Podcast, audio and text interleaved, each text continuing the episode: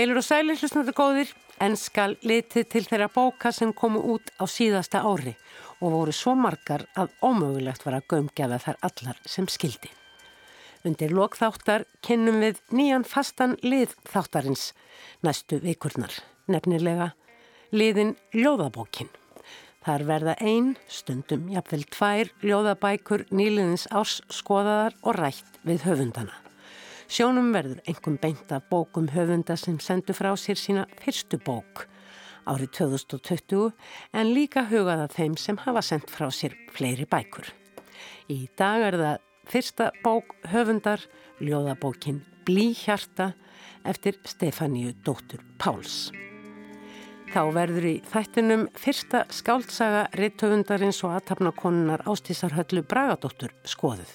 Svo ber titilinn Einn en þegar grantir að gáð heitir bókin kannski Mein og er sönn saga en líka þegar grantir að gáð sönn skáldsaga.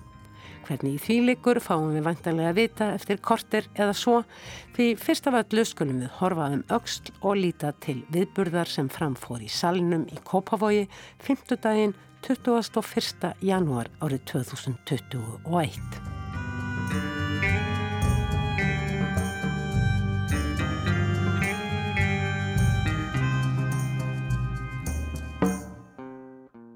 Handhafi ljóstafs Jóns úr vör árið 2021 er skáldið Þórdís Helgadóttir fyrir ljóðið Fasaskipti. Ég vil byrja Þórdís sem um að koma upp á svið og lesa.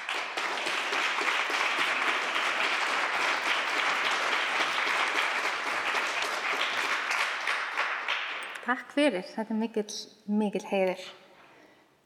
Fasaskipti. Ég elska börnin mín og börnin sem börnin mín elska og börnin sem elska börnin mín. Þau keira kuldaskói gegnum ísin þegar tjörnina hefur lagt. Þau elska að beita afli. Brjóta flýsar úr ísingunni og halda þeim upp að andlitinu. Ég sé þau út um gluggan, saltslegt auga húsins. Þau sjá mig gegn tært gler. Ljóskul, skíma og svo dimmir.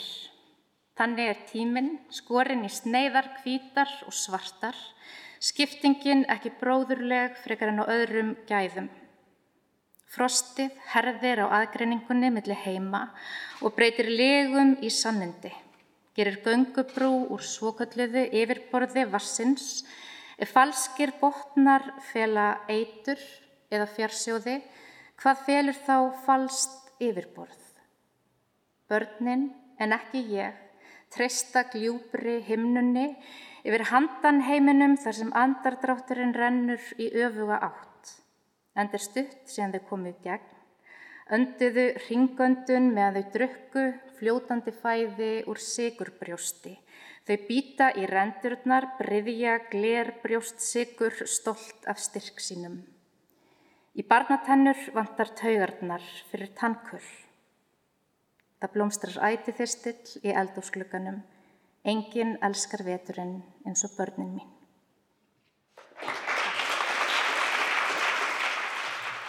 Hlustendur góðir, 5. daginn 21. janúar sem er fæðingardagur skálsins Jóns úr vör var í salnum í Kópavogi við hátþýlega aðtöfn ljóðstafur Jóns úr vör afhendur líklega í átjónda sinn og viðtakandin var Þórdís Helgadóttir fyrir ljóðið Fasaskipti sem við heyrðum rétt í þessum.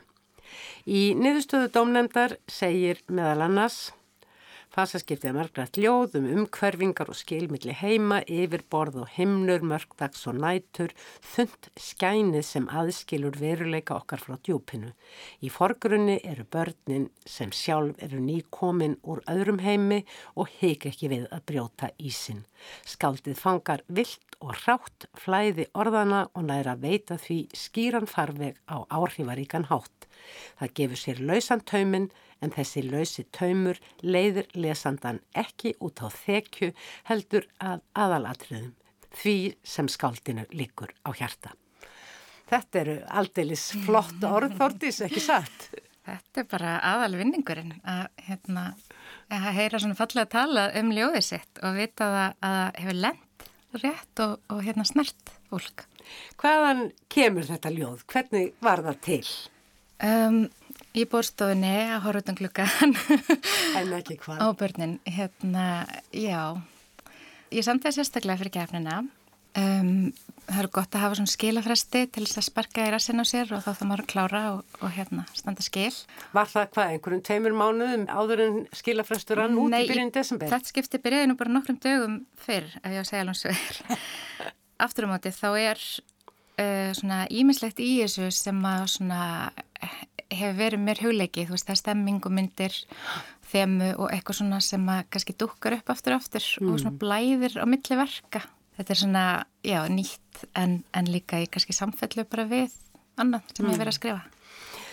Sko ég man eftir ég tók viðtal við þig þegar þú sendir frá þér smá mál í rauð meðgönguljóða. Akkurat. Það var uh, smásagan út á milli rimlana Já, og ég man að þá sagður mér að þú hefðir skrifað alla tíð og þú hefur unnið mikið með texta í gegnum tíðina. já, En uh, það er reynd, ekki fyrir en þarna 2016 að þú sendir eitthvað frá þér er það. já, Og svo hefur þú sendt frá þér sem sagt tvær ljóðabækur undir nafni Svikaskálda sem er jú hópur skáldkvenna sem að kemur saman reglulega til þess að yrkja og ræða ljóð sín og styðja hver aðra næra andan. nákvæmlega.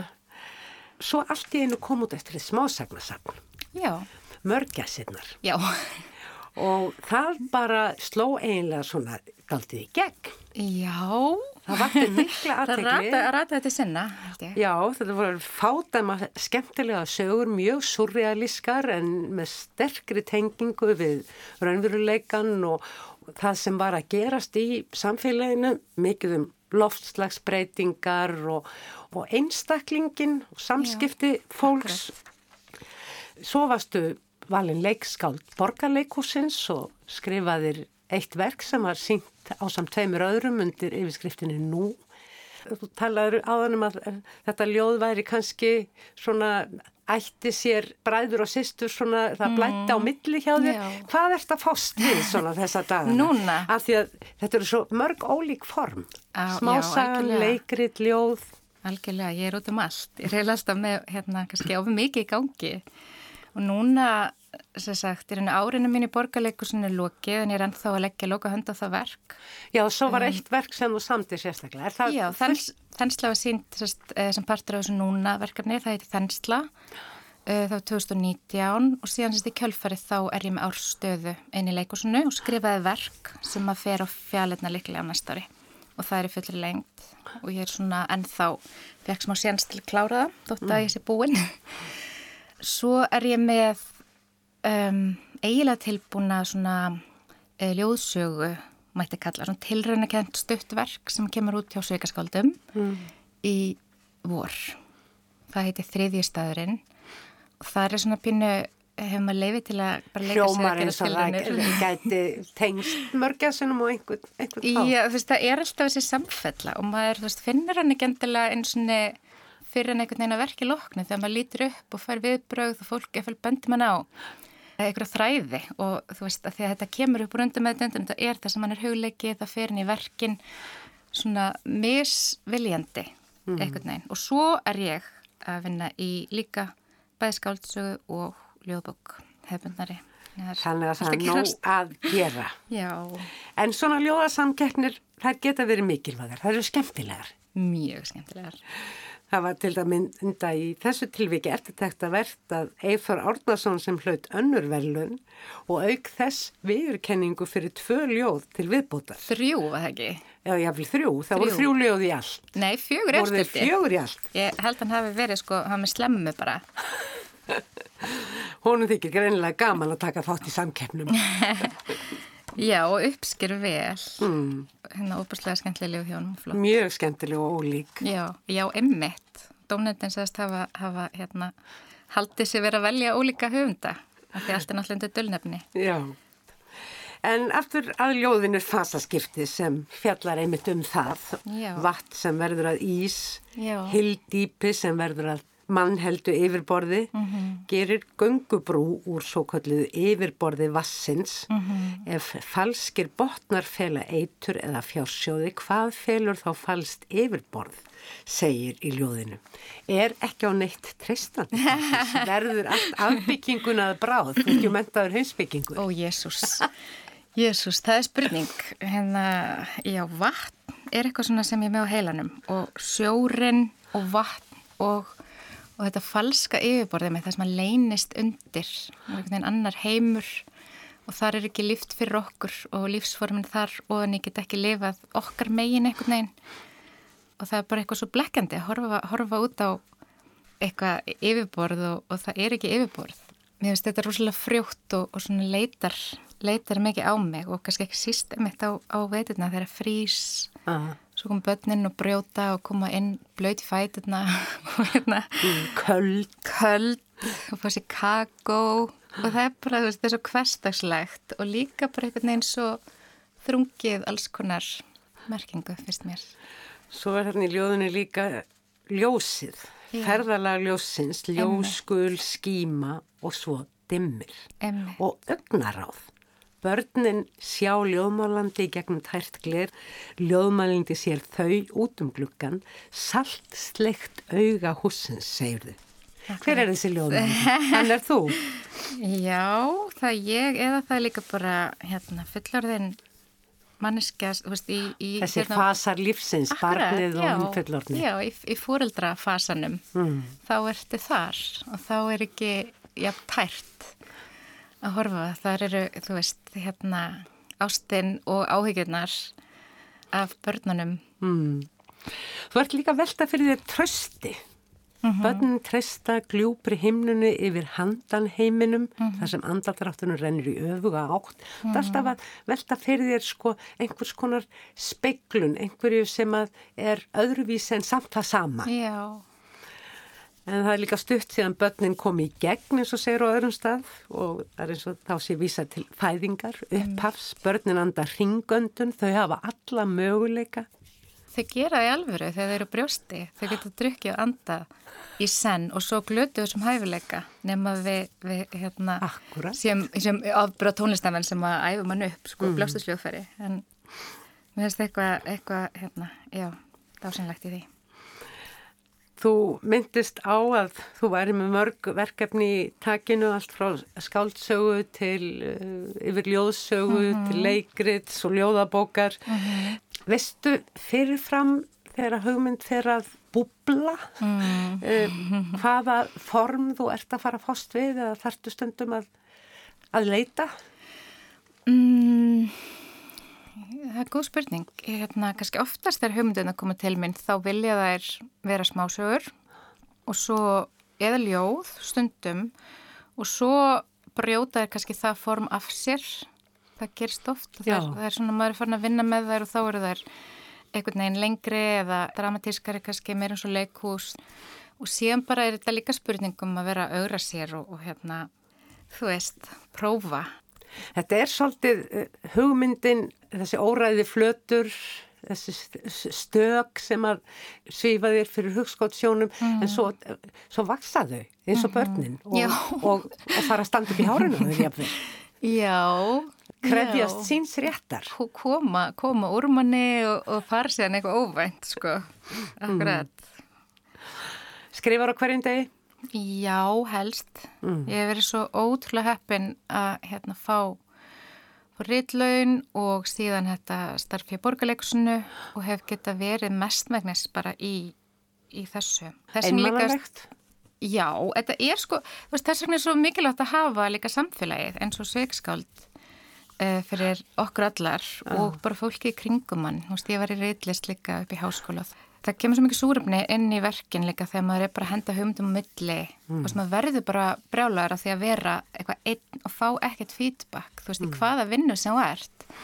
Þú veist, maður er minni kennari og ég hefur ekkert með að segja við hann, þú veist, ef þú verður bara að kenna út í bláin og fengir svo að vita kannski á næst ári hvernig hefur gengið, skilur þú, þetta er bara rosalega skrítið mm. sálfræðilega fyrir fólk. Þannig að maður þarf að setja sér svolítið í þá stöðu, þú veist, umkringa þessu fólki og verið í einhvers konar samræðu. Já. Og þá er kannski einmitt svona ljóða samkeppni alveg kjörin Já, til þess að algjörlega. fá svar. Já. Annarkvort, nei, nei, nei, nei, gerðu betur. Eða einmitt eins og þú lenda bara í fyrsta sæti með svona fallega umsögn um Já. ljóðið þitt, fasaskiptin. En svo, þú veist, þetta er náttúrulega svo persónulegt, þú veist, domnefndir eru bara, þú veist, með ólegan smekk og allt þetta, þú veist, ég hef sendið náður og, og hérna ekkert gengi og þá bara heldur maður áfram, sko. Það Já. kannski á maður, þú veist, maður græðir ljóðið allavega á því. Góð uh, uppörfun fyrir alla sem að svona gjóa augunum til ljóða samkeppna. Þórdís Helgadóttir hjartanlega til hamingju og kæra þakki fyrir komuna í Takk kærlega fyrir mig. Það var árið 2002 að Hjörtur Pálsson, einni Kópavoks búi líkt og Jón úr vör, tók fyrstur við ljóðstaf Jóns úr vör og hefur stafurinn síðan skipt um samastað átján sinnum á þeim 20 árum sem liðin eru. Það voru menningamálar á Kópavoks og ritlistarhópur Kópavoks sem stopnuðu til velunana. Skáldin sem hlotið hafa stafin er ekki alveg jafn mörg og skiptin sem hann hefur verið afhöndur því nokkur skáld eins og Anton Helgi Jónsson, Linda Vilhelmsdóttir og Hjörtur Martinsson hafa fengið stafin oftar en einu sinni til varðveislu í eitt ár í krafti nýs og áður óbyrts ljóðs.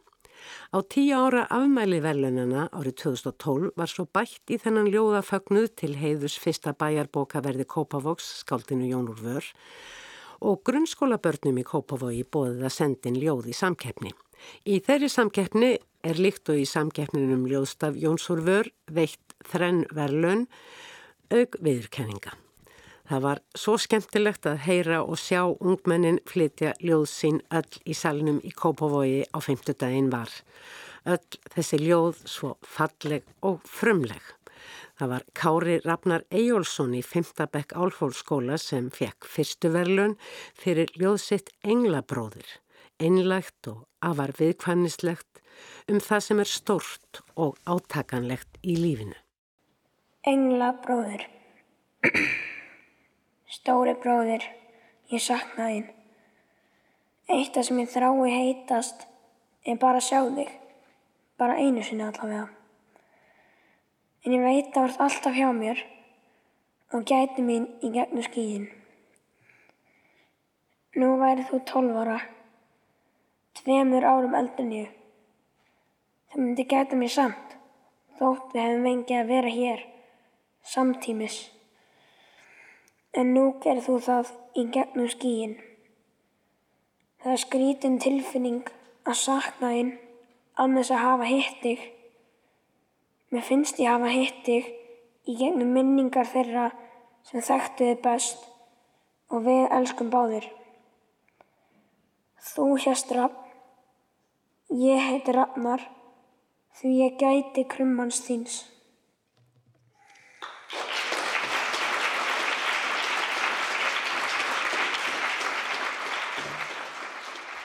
Ekki veit ég hvort þáttakan í ljóðstaf Jóns úr vör var óvenju mikil þetta árið, en allt í allt mun domnend hafa mátt velja úr meira en 300 ljóðum frá fullvaksta ljóðskáldum og ungmennum í Kópavogi. Í þessari marg þættu keppni sem sannarlega hefur sannað sig á þessum 20 árum sem hún hefur verið haldinn. Í tilefni þessara tímamóta var til hátíðar breyða tónskáldið Ingibjörg Ír Skarpíðinsdóttir sem á síðasta ári var útnæmt bjartasta vonin í síkildri tónlist og samtíma tónlist í tengslum við Íslensku tónlistavelunin fenginn til að semja lag við ljóð eftir Jón úr vör.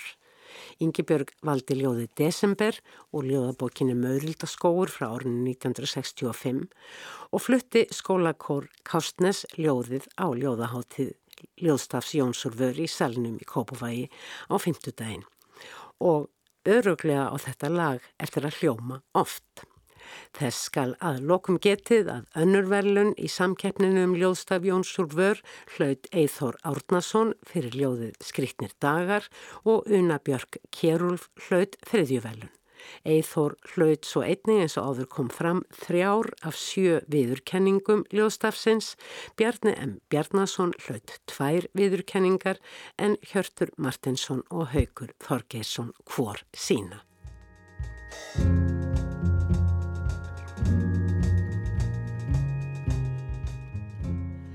Ástís Halla Bragadóttir sendi núna fyrir jólinn frá sér sína fyrstu skáldsögum. Einn heitir hún og ljómar skær gul í bókarlöðunum á borðum bókaveslana eða kjölurinn í einhverjum bókaskápa landsmanna því bókin seldist príðilega eins og reyndar fyrri bækur Ástísar Höllu gerðu líka. Velkomin Ástís Halla í þáttin orðum bækur. Þakkaði fyrir. Er ekki rétt hjá mér að þú varst bara þokkalega ánað með verðtíðina fyrir þinn hatt? Jú, veistu að ég var bara mjög ánað og þakklátt fyrir viðtökurnar. Mjög notalegt að fá góðar viðtökur þegar maður er búin að leggja alltaf hugsun og vinnu í svona verk. Lastu sjálf mikið yfir jólinn? Já. Hverjir eru svona þínir uppáhaldshöfundar? Ég, ég ánu nokkra og ég las einhverja þeirra yfir jólinn ég, kem nú kannski ekki mjög ó, á óvart með því að segja að ég vil leysi Ólaf Jóhann það gerði margir það gerði mjög margir, flestir sjálfsagt og svo, svo hérna var ég að lesa ykkur aðra líka. E, byrja að lesa Jón Kalman e, Ragnar Jónasson að sjálfsögðu og mm. Arnald og þetta típiska. Írsa er komin á náttborðið.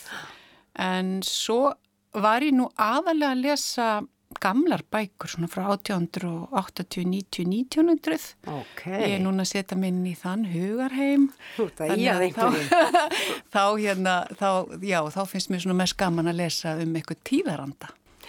Þú komst aldrei á óvart fyrir hvað þremur fjórum árum þegar þú sendið frá þér þína fyrstu bók Tvísaga, æfisögum móður þinnar og að sjálfur leiðir þinnar líka.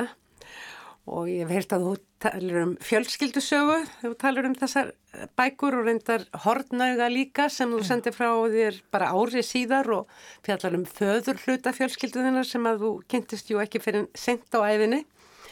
Svo komst ég nú á raunum að þú hafðir líka þegar árið 2000 skrifað bók sem að bar titilin í hlutverki Leðtógans, Líf þeim fórustumann í nýju ljósi. Það var fyrsta bókin mín. Einmitt, þar sem þú grefst fyrir um Leðtóga líf fólksins og Vítis að Fimbo og dóttur Davís Ottssonar, Kára Stefánssonar og fleiri. Og sjálf virðist nú hafa sínt í gegnum tíðina sæmilega Leðtóga hæfileika og Þú varst jú fyrsta konan sem var formaður sambandsungra sjálfstæðismann, ekki satt? Jú. Og svo varstu bæjastjóri í Garðabæ, fórstjóri Bíkó, í fararbrotti í uppbyggingu engareikinar heilbriðistjónustu með fyrirtækinu Sinnum og fleiri fyrirtækjum. Og þá erum við eiginlega komnar af bókinni nýju sem andstætt þessum þremur sem að ég nefndi er jú skáltsaga en þú segir sönn skáltsaga. Þú ert svona að leika þér með þetta. Já, ætli það sé ekki vegna, sko, ég ætla að skrifa skáldsögu.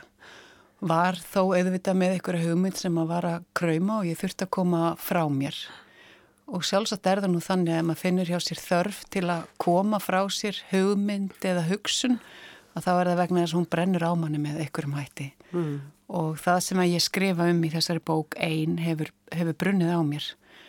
Og þegar ég var búin með hana þá áttaði mig á því að að hérna, auðvitað er þetta skáldskapur og, og nöfnin eru skáldskapur en þetta eru tilfinningar, atbyrðir, upplifun sem ég hef farið í gegnum sjálf mm. ah. og hef verið svona mjög hugsi yfir sem að svona eiginlega kallað á það að ég þurft að skrifa þessa bók.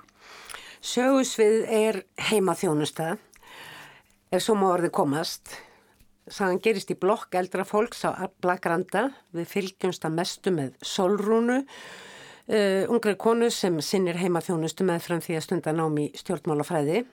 Rendar víkur sögunni líka til New York þar sem dóttir eins skjólstæðings Solrúnar býr, læknir sem eftir frásögnum móðurinnar sem heitir Elisa, virðist alfullkominn, smittsjúkdóma læknir flott í vextinum og stendur æfinlega við það sem hún ætla sér.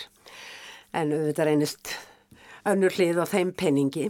Það væri kannski ekki vegi á þessu stíi samtals okkar að heyra blá upphaf sögunar, heyri í þinn tónin. Já, það er alveg sjálfsagt mál.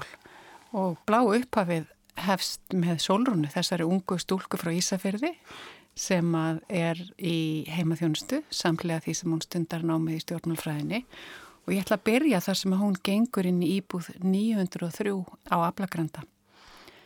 Solrún var andstutt og átti erfitt með að kingja. Skjálfend reif hún af sér ljósbláa andlitskrímuna sem hún hafi nýtt vandlega yfir vitin áður en hún gekk inn í íbúðina nokkrum mínútum fyrr. Örmagna let hún sig falla niður í leysibóistólin í stofinni. Áklæðið sem eitthvað tíman hafði verið dökkbrónt öllarefni var orðið svo slitið að inn á milli sást í tættan svamp sem var farin að gulna og molnaði auðveldlega þegar hún nýri hann taugaústyrk með rökum fingrunum. Gamla konan hefði aldrei samþygt að Solrún sæti í stólnum svona rennandi blöyt. En það skipti varðla máli núna. Elisa var dáin. Á því leik engin vafi. Solrún var tæplað með sjálfri sér en vissi að hún þyrta tilkynna strax um andlátið. Hjartað hamaðist. Hún fann sláttin í gagnauganu og hallaði sér aftur í djúpum hægindastólnum. Tungan var þurr og kokið svo hert að henni fannst hún vera kapna. Hún myndi eftir tiggjó í peysuvassanum og stakk upp í sig því sem eftir var í rökum pakkanum. Eitt augnablík velt hún því fyrir sér hvort hún ætti að ringja í ömmu rún og fá góð ráð, líkt og svo oft áður, en amma var orðin lúin og hún ákvaða hlífenni. Hún gæti heldur ekki ringt í skrifstofu heimaþjónustunnar sem var lokuð fram yfir páska og alls ekki fóreldra sína því hvorugt að mátti við fleiri áföllum núna. Ef hún segði þeim að hún hefði komið að látinni konu sem hún syngt í heimaþjónustunni þá myndi þau láta spurningaflóð eða jafnvel ásakanir dinni á henni. Ertu vissum hún sér dáin? Hefur þú öruglega gefið henni rétt lif? Að borða og drakka, getur verið að þú hafi smitað hann á COVID? Ertu viss? Ringdu strax á sjúkrabíl. Fyrst þyrtun hún á áttum og reyna að skilja hvað hafi eiginlega gerst.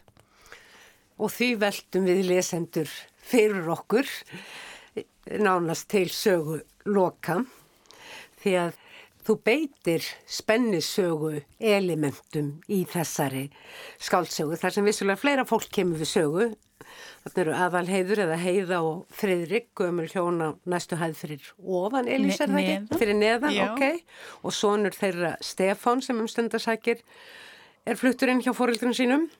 Og þá er kannski rétt að geta þess líka að sögutímin er í rauninni bara nokkru klukkutímar og það Já. á förstu daginn langa. Já. 10. apríl. Já, 10. apríl árið 2020. Rétt. En bókin er allþykk og við fáum ímsa uh, úturdúra um líf þessara persóna. Þú sagðir að þetta hefði kvílt á þér að skrifa um þetta. Hvað var það nákvæmlega? Var það einmannaleikin? Það var það. Það var það, mm. Og ég hef upplifað það sjálfa því að nú starfaði ég daldi við heimaþjónustu, aðalega við að skipulegja heimaþjónustu En þú hljófst líka stundum á vettvang. Já, og svo hljópi stundum á vettvang í lók dags því að mesta álagið í heima þjónustu er snemma mótnana og svo um kvöldmataleitið. Þannig að í lók skrifstofu dagsins og þá fór ég oft sjálf í heima þjónustu og gaf fólki að borða eða hjálpaði því að undirbúa sig fyrir kvöldið. Þetta er gríðarlega spennandi sko vettvangur fyrir, fyrir skáldskap. Já. Þetta er svo margar ólíkar personur sem að fólk kynnist í heimaþjónustu. Já. Það er að tefla svo mörgum sviðum samfélagsins saman Já. og þetta fólk á börn þetta er marga kynnslur, alls konar. Mér fannst það Þannig, og takk fyrir að taka eftir því mm. og nefna það því að mér finnst það innmitt og þegar maður starfa við heimaþjónustu og hleypur á milli heimila því maður er alltaf á hlaupum að reyna ná að gera svo margt að þá gengum maður inn í svo marga ólíka heima. Maður fyrir nú heimili þar sem er einn eldri maður, konan hans er á spítala og hann býður eftir henni og er svo gladur að fá ykkur heimsók og spjallar og sínir manni myndir og svo kemur maður kannski inn til eldri hjóna og þau eru kannski alltaf að rífast og orðin þreyt á hvort öðru. Þannig að maður lappar á milli svona heima sem að hver fyrir sig hefur svona áhugaverðar hliðar. Mm. Og allt Eh, er þetta reynsla og skilur eitthvað eftir hjá manni, kennur manni eitthvað. Mm. Mér minnir að það hafi verið danski glæpasagnar höfundun Sara Bledel sem einhver tíma sagði frá því í viðtali að á námskeiði í glæpasagnagerð hefði leiðbennandin bent á að gott vera að velja sér sögusvið sem að þekkti. Já. Og þú gerir það sannarlega. Og ekki bara sko þú uh, ert líka svolítið með í allir framvindunni. Þarna Friðrik er ólsari þú ert sjálfætt í Ólasvík og Hann segir á einum stað þegar hann horfur út um gluggan á Snæfellsjökul að honum finnist hann alltaf eiga svolítið meira í Snæfellsjöklu heldur en kannski margur annar af því hann hafði hann eitt sinn svo nálegt sér. Já, mér líður þannig. Já, nákvæmlega ekki satt. Og svo er Solrún náttúrulega í stjórnmálafræði eins og þú sjálf lærðir á sínum tíma. Þú, þú sér hvað ég er ófrumleg. en, nei, en er þetta ekki, gefur þetta ekki höfundi svona ákveðið svona öryggi, svona einhvern heimavöll? Jú, öruglega og þegar maður skrifar fyrstu skáldsöguna að þá einmitt kannski ger maður þetta að því maður þorir ekki að fljúa jafnhátt eða leifir kannski ímyndunaraflinu ekki að leika jafnlausum hala og væri gaman að gera Ég á eftir að reyna það betur eitthvað tíman síðar en, en hérna, jú, ég var öruglega sæki ákveðu öryggi með, mm. með þessum sögupersonum mm. og, og þessu sögusviði. Svo hefur þú nú þurft að hugsa alltaf mikið um framrás sögunar, segja aldrei og mikið, það er ímislegt sem við fáum í raunin ekki að vita fyrir alveg undir lokin, mm. til dæmis aðdragandan að því að uh, Elisa...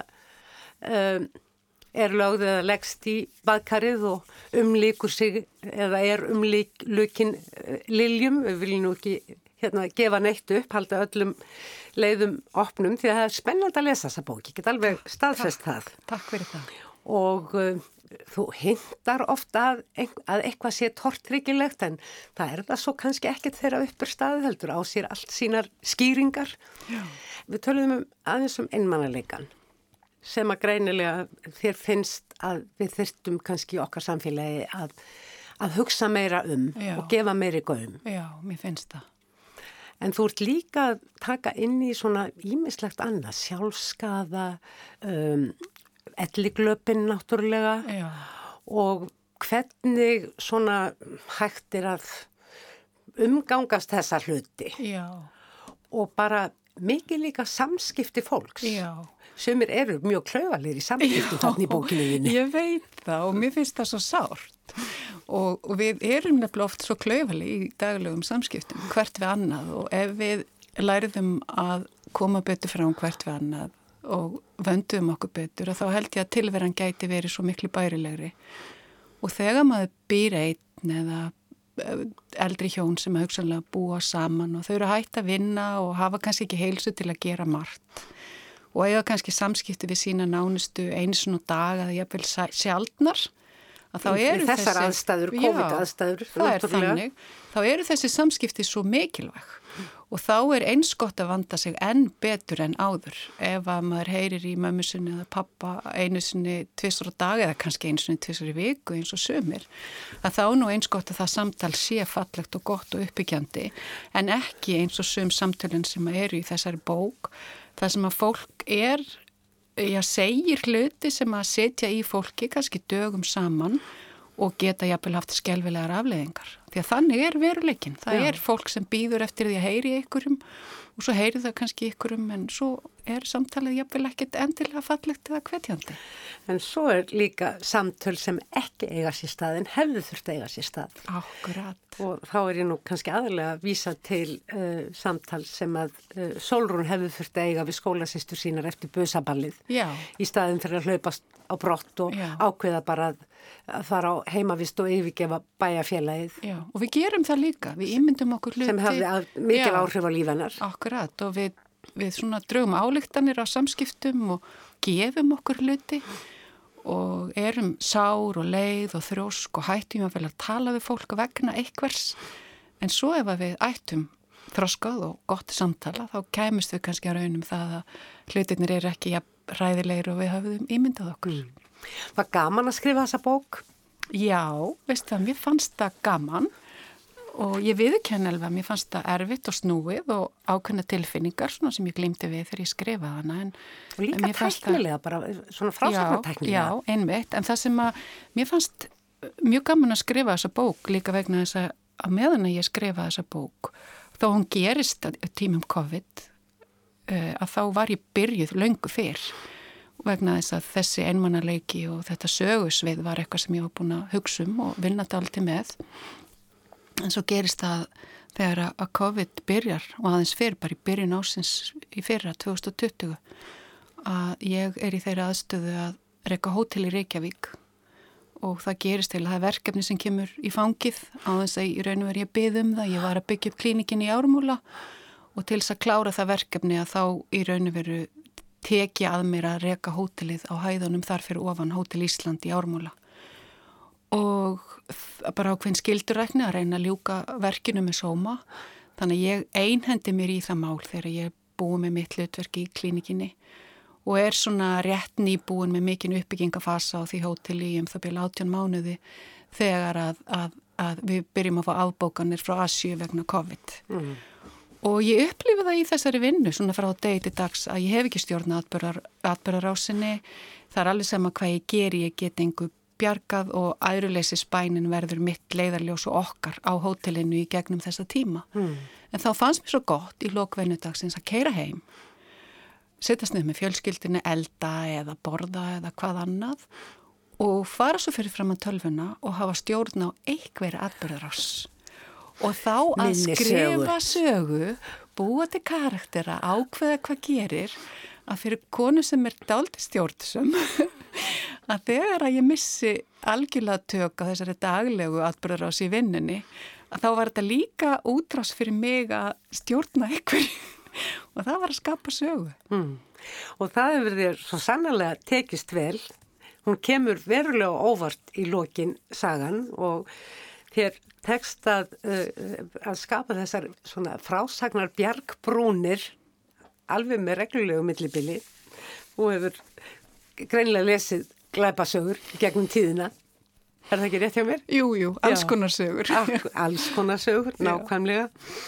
Og ertu að öllast stjórn á daglegu lífi og þarf þá ekki að skrifa skáld sögur? Já, sko ég er að öðlast stjórna daglegu lífi með þeim hætti að það, eh, hérna, við erum sem sagt að hætta að, eða hætt að reyka hótelið vegna þess að COVID í raunum veru bara tók það ákvörðum fyrir okkur að, að okkur, það er ekki gerlegt lengur mm.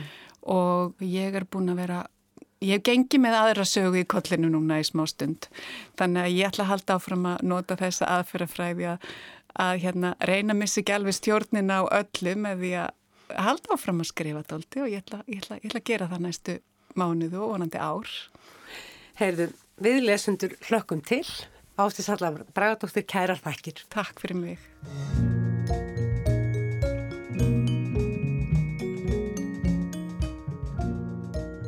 Í ljósi þeirrar grósku sem nú má sjá í útgáfu ljóðabóka, ekki síst frumrauna, mun á næstu vikum hér í þættinum orðum bækur sérstaklega við höfð orð um nýjar ljóðabækur og rætt við höfunda þeirra. Og fyrsta bókin sem við skoðum í þessu samhengi er ljóðabókin Blíhjarta eftir Stefáníu, dóttur Páls. Blíhjarta er frekar myrkur titill en kannski alls ekki. Bókin hefst á útleggingu titilsins. Blí, grármálmur, þungur og meir. Hjarta, hólur vöðvi sem dælir blóði um æðar líkamanns. Er þetta ekki manneskjan í hnótskurn? Lifandi fyrir sjálfvirka blóðdælingu, grá, þung, meir. Heil og sæl, Stefania. Til hamingi með bókina Blíhjarta.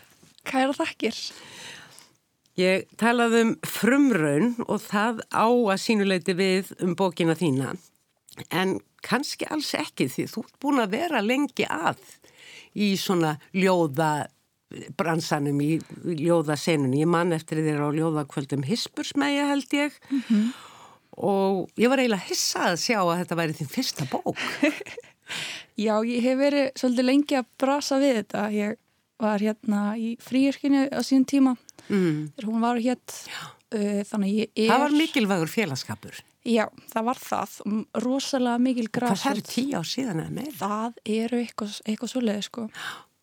En við gáum út nokkra bækur saman Mm. en hérna sem voru, já, bara samansöfn af okkar og rosarhátt og bara ótrúlega ótrúlega dýrmætt að hafa verið eitthvað bauka, Mm. bauka og brasa og gefa út svona í græsrútunni meira sko. Mm. Þannig að já, it's been a long way coming. Akkurat. En segðu mér hans frá tilhörðin ákveðlega þessarar bókar. Hún er svolítið myrk og ég hef einhvern veginn á tilfinningunni að þetta séu ljóð sem liggja svolítið tilbaka.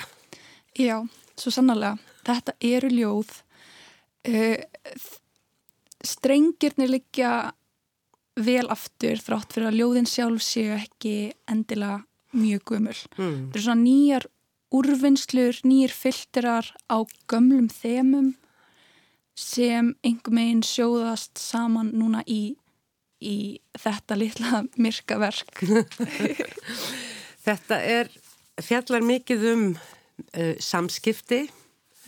Ljóðmælandi er, eftir því sem best verið séð, ung kona Og hún er umkona. og hún þælist víða og kynnist mörgum. En svo á hún sér líka upphaf og foreldra og þeir svona, uh, svona hennar fortíð, benska jafnvel, eitthvað svoleiðis, blandast þarna aðeins inn í. Þannig að þú ert svona ljúka ákveðnu skeiði. Eða fjalla um ákveði skeið. Já, algjörlega. Ég held líka að allt sé ákveðið skeið eftir í hvernig maður lítur á það. Þetta er svo sannlega um bensku og fullt af þúum sem koma við, einstaklega mikið af þúum sem hafa áhrif.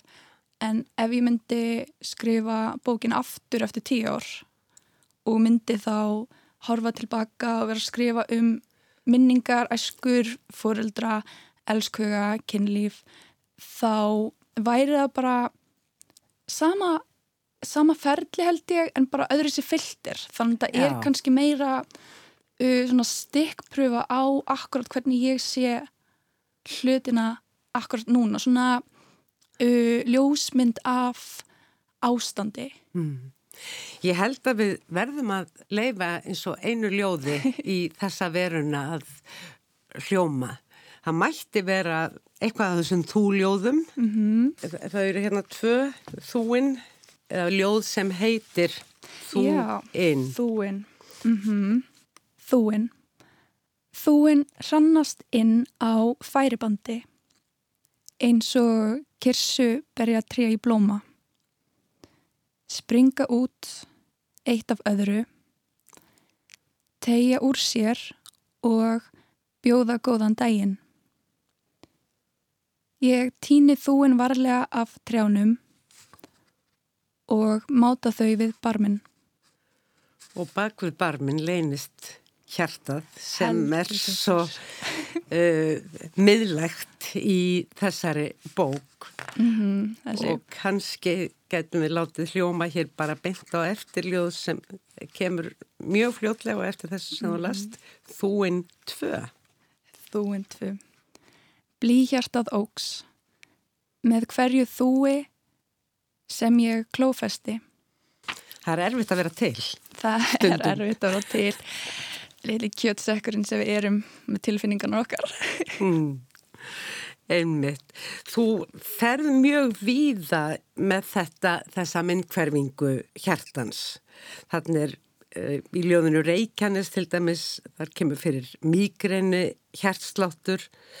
Einu sinni enn heitir eitt ljóð sem fjallar líka um hjartað í, þessum sko líkamlega skilningi og svo er það þúinn og öldutún, þá það er eins og að það sé kennari kannski að útskýra hjartað Já. eða hvað? Já, Er það nefandinn sem frýs í þessu þetta, ljóði? Þetta er nefnilega sko þrátt fyrir þetta hljómi rosalega svona svona speculative myndmál um eitthvað sem er ekki þetta þá var þetta það að í kennari minn í Öldtúnskóla í fyrsta bekk, hún hérna Kristín heitin, hún hérna teiknaði alltaf hjarta upp í efsta hotni á krítátöflunni og eftir því sem dagurinn leið og teiknaði alltaf annað hjarta í kringum það, annað hjarta í kringum það. Og ég man svo vel eftir þessu.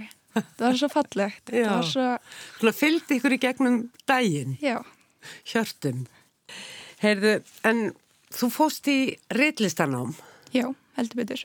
Og þessi bók er gefin út af félagi reitlistanema, Bleikfélaginu. Já. Er þetta útskriftaverkefnið þitt? hluti á útskiptaverkefni Já. En þú ert búinn þar, þú ert komin í nýtt nám, Já. þú ert komin í tónsmíðanám. Já, og ég núna er aftónsmiðum í listaháskólanum eftir að hafa mm. rúla upp masterskráðu í bara senasta vor. Já. Og um, var þetta draumur eða það er nú ekkert kannski svo giska langt á milli ljóðsins og tónlistarinnar? Það er ekki langt á milli. Það er alls ekki langt á milli. En talandi um draum, sko, ég held að lífið sé bara eitt stór draumur. Þannig að hérna er við fljótandi um í einhverju faruleg kosmosi sem enginn veit neitt, skilur neitt og við erum öll hér bara eitthvað kúldrast saman í lífinu að dreyma, dreyma saman. Mér langar, reyndar, ég sé það hérna á blæðinu mínu að það er einn spurning sem mér langar til þess að koma að áður en við förum aðeins nánar inn í tónlistina og, og hvað getur komið út úr þessum samruna ljóðs og, og tóna. Það er þetta með öllina Já. í ljóðanum þínum. Þannig eru öllar bönd í ljóðinu Neshægi þá liggja þau á víð og dreif og, og eitt ljóðu heitir beinleins öllarböndin mm -hmm. og það er einhvers staðar prjónuð peisa eða mm -hmm. eitthvað svo, svoleiðis. Hva, hvað er, er ertu hannir að kona? Nei, ég er ekki hannir að kona en þetta er eitthvað í íslensku þjóðasólun held ég. Þessi öll, þessir átt átt hjarðar átthaga, átthaga fjötrar sem, sem halda okkur lópin lópin sko Já, mér fannst þetta hérna... Heldur við nálega tjartanir, sko. Já, akkurat. Það spekuleira hvort ég eigi að byggja þeim að lesa fullar böndin. Já, þar ferður svolítið inn í fjöðræknina og áttagana, uppbrunnan. Já. Þinn sögulega og menningarlega. Þessi kapli líka í bókin svona sömmar þetta svolítið saman líka hvað þetta, hvað ég er að reyna líka með þessari bók. Það er, það er, það er að koma með þessa þessa rosalega mýkt þennan um, þessa viðkvæmni en samt líka teikna fram þessa brinju sem við höfum alltaf fyrir hjartan okkar. Mm. þetta stál en samt þessi öll þessi öll ok, here we go. Öllarböndin mig þyrsti í meira stál meiri berserk meiri bardaga eitthvað berstrýpað og kallt. Degi síðar röknuðu þau upp, þau gliðnuðu, svo látlaust ég strauk þeim. Ég lagðist á þyrni, prjónaði úr þeim á fingurna, feldi þá fram af fingurkomunum, einn af öðrum prjónaði úr þeim minnisvarða um eldsmatinn sem ég kunni ekki að hætta að vera. Já, þetta ljóð dregur svolítið saman þessa bók. Viðkvæmnina, öðrum þræði og töffaran hins vegar sem allar ekkert að gefa sig þrátt fyrir að finna til mm -hmm. eða kannski einmitt þess vegna. Mm -hmm. En í sambandi við tónlistina og uh, ljóðin, það eru þarna allavega tvö ljóð sem að byggja í rauninni á hljóðum, eru einhvers konar byggja á hljóðum en eru jáfnframt einhvers konar myndljóð. Algjörlega. Og þú hefur, eins og maður segir, pródúserað eitt vera. Já, það hefur gert og. Eh, þú ætlar að leifa okkur að heyra það. Mm -hmm. um, var þetta verkefni í, í listaháskólanum eða? Uh, nei, þetta var bara, þetta var ljóð sem ég skrifaði fyrir þrem árum eða svona draugaði og þá var ég í flugvel uh, frá Litáin á leðinni til Íslands og pappi minn var að deyja bara bókstála hann dó meðan ég var í flöginu eða mm. svona. Fjara, hann var að fjara. Um, og þannig að þetta, þetta ljóð var svolítið svona uh, ég heyrði svo mikið í flugvölinni ég var svona á leiðin einhvert þá var svo mikið einhverjum í gangi. Og með leið í alvörinni eins og hann væri að fljúandi einhver staðar í kringum mig og þrátt fyrir að kannski er það ekki satt og ég er bara eitthvað ó pappi er enn upp í skínum hjá mér eitthvað ég verða að sjá það sem ég vil sjá eitthvað svo leiðis þá var samt eitthvað við það það var, það var eitthvað í loftin það, það, það var eitthvað með mér. Mm. þannig að þetta ljóð heitir semst útöf himna. Af því að ég, sá, ég horfði út úr gluggan og það var bara ég sá endalösan sjó endalöst haf. Mm af öllum sem hafa einhver tíman verið til og öllu sem mun verða. Það var fallegt.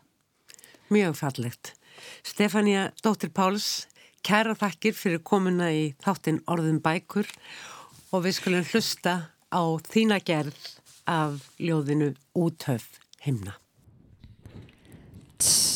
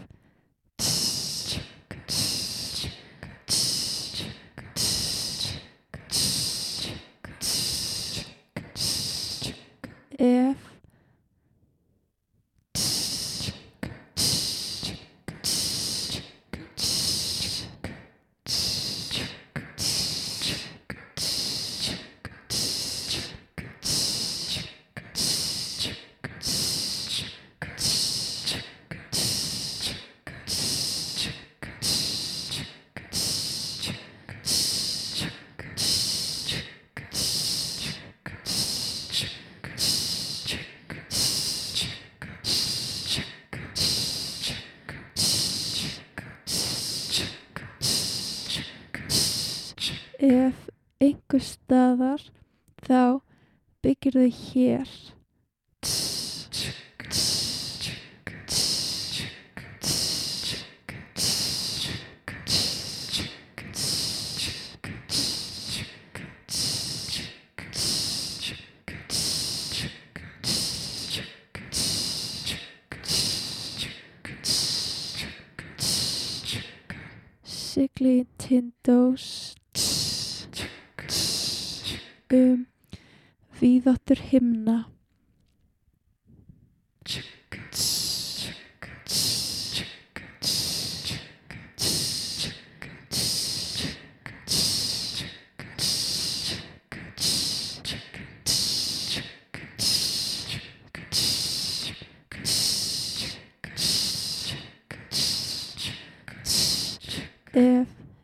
staðar þá byggir þau hér Stefania dóttir Páls flutti ljóðsitt útöf himna úr ljóðabókinni Blí hjarta.